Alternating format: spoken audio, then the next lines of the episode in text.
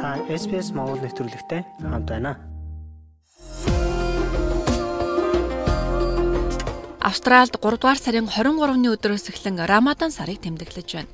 Харин та энэхүү лалын шашны Рамадан Элэд баяр ёслолын ач холбогдлын талаар хэр сайн мэдэх вэ? Лалын шашинтай найз нөхөд хуршүүдэд тань энэ баяр хэр чухал вэ гэдэг талаар та бодож үзсэн үү? Дэлхий дээр тэр бом 970 мянган лалын шашинтай хүн амьдарч байдгийн 813 мянган Австралид байдаг. Австрал шиг олон соёлт улс оронд өөр шашин шүтлэгтэй соёлтой хүмүүстэй уулзаж, найзалж, хамтран ажиллаж үзээгүй хүнийг болоход хэцүү. Бие биенийхээ шашин шүтлэг соёлыг ойлгох үнэлэх нь олон соёлт нийгмийн нэгдмэл байдлын үндэс юм а. Тэгвэл Рамадан гэж юу вэ? Рамадан бол исламын хуанлын тооллоор 9-р сар нь бөгөөд энэ хугацаанд насанд хүрсэн эрүүл мусульманчууд үүр цайхаас эхлээд үдшийн бүрийн хүртэл мацаг барьдаг. Бид энэ талаар их сурвалжаа болгон дэд профессор Сүлех Кискинтэй уулзж ярилцлаа. Тэрээр Мельбурн дэх Чарлиз Стюартсын их сургуулийн исламын шашин судлал, соёл иргэншлийн төвийн дэд тэргүүн юм.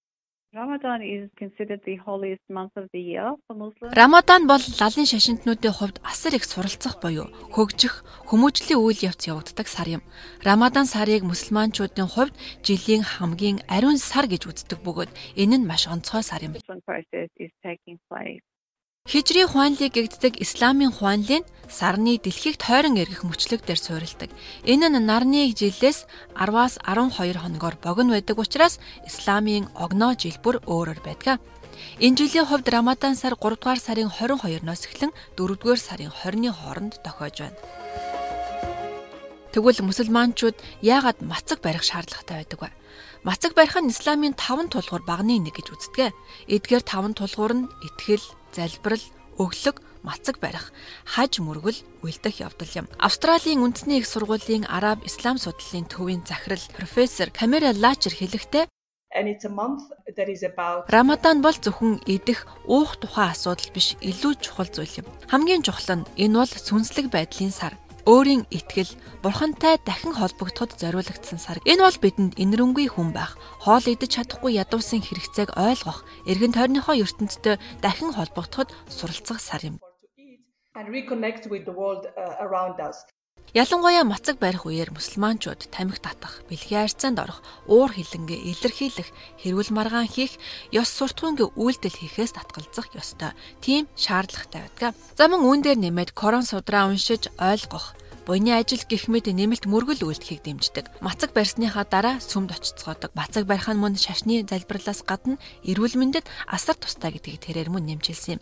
Physically it's very healthy because Бие махбодын хувьд маш эрүүл учир нь энэ нь биеийн бодисын солилцоог зохицуулж биеийг аливаа хорт бодисоос цэвэрлэдэг. Тиймээс энэ нь маш эрүүл үйл явц бодлого нь батлагдсан. Бид завсарлагтаа мацаг барихт ямар чухал ач холбогдолтой болохыг мэддэг.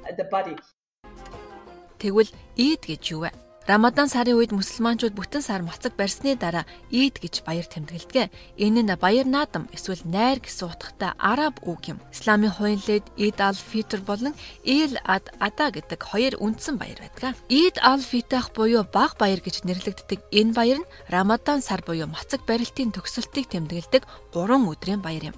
Лалын шашинтнууд Ийд баярыг угтаж байхдаа буйны өглөг өгөх үүрэгтэй байдаг. Үүнийг Закат аль-Фатир гэж нэрлэдэг бөгөөд ядуус ч мөн энэ баярыг тэмдэглэх боломжийг олгодог юм. Профессор Лачер хэлэхдээ энэ бол нийгмийн сэтгэл санааг сэргээж лалын шашинтнуудыг өршөөл эрэлхийлэхэд уриалдаг нэгдэх уучлахын баяр юм гэлээ. Цаашлбал энэ нь хүүхдүүдэд төгжилтэй байж шинэ найз нөхдөдтэй болох соёлтойгоо танилцах боломжийг олгодог. Шинэ хувцас авч ялангуяа хүүхдүүдэд зориулсан хувцас худалдан аван гэрээ цэвэрлэх, тусгай хамттан аяг тавг бэлтгэх зэрэг нь баярын бэлтгэлийн томоохон хэсэг болдог. Энэ жилийн Eid al-Fitr баяр сарны байдлаас хамааран 4-р сарын 21 эсвэл 22-нд тохино. Исламын ихэнх орнууд Eid al-Fitr бол бүх нийтийн амралтын өдөр байдаг. Тахлын баяр эсвэл агуух баяр гэж нэрлэгддэг Курбан баярын тухайд энэ нь жил бүрийн хаж мөргөлийн дараа болдог бөгөөд Авраам өөрийн хүү Ишмаэлийг золиослох бурхны тушаалыг дуулууртай дагахад бэлэн байдгийг тэмдэглэдэг баяр юм а. Мусульман австралчууд баяраа хэрхэн тэмдэглэдэг вэ? Eid al-Fitr баяр нь Исламын хуулийн 10 дугаар сарын эхний өдрийн өглөө онцгой залбирлаар эхэлдэг. Орон нутгийн цөмхөд төвүүдэд нийтийн залбирал хийдэг бөгөөд хүмүүс биед биедээ Eid Mubarak буюу баярын мэнд гэж хэлэн it. Мөн гэр бүлэрээ найз нөхөд ах дүүсээрээ зоцолцоходог өдөр юм. Профессор Лачер энэ бол бүхэнд бусад айлаар зочилдог гэр бүлийн хамтын баяр бөгөөд Курбан баярын 3 өдрийн турш хүлээн авалт тусгай бэлүү хоол унд идэн баярлцаадаг гэлээ. Мусульман австралчууд өвөрмөц зан үйлтэй олон орноос ирсэн бөгөөд баяр ёслон ч өөрөөр байдаг. Бид Eid al-Fitr баярыг Австральд зохион байгуулдаг Пакистан гаралтай австрал хүнтэй ярилцлаа. Түүнийг аль аваана гэдэг. Тэрээр Австралийн хамгийн том олон үндэсний баярыг зохион байгуулдаг завгүй юм а. It can be food. Some people Өөрөөр гарал үүсэлтэй лалын шашинтнуудын хооронд асар том соёлын ялгаа байдаг.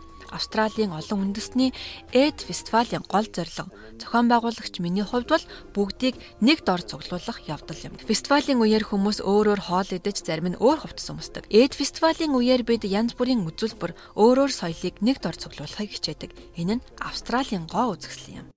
Performances, different cultures at one place, and that's the beauty of Australia. Профессор Лачерч мөн үүнтэй санал нэгдэж Австралид Идийг тэмдэглэх нь Исламын олон орноос хамаагүй олон толыг багтаасан хүчтэй баяр болдог хэмээн хэлсэн юм а. What is beautiful about the Muslims community in Australia is that Австралийн лалын шашилтнуудын нэг цайхан зүйл бол ихэнх баяр ёслолууд олон нийтийн төвүүд болон орон нутгийн сүм хийдүүдэд болдог. Энэ нь өөрөөр гарал үүсэлтэй бүх нийгэмлэгийг нэгтгэх хандлагатай байдаг. To celebrate around this special day. So it's more multicultural and more exciting.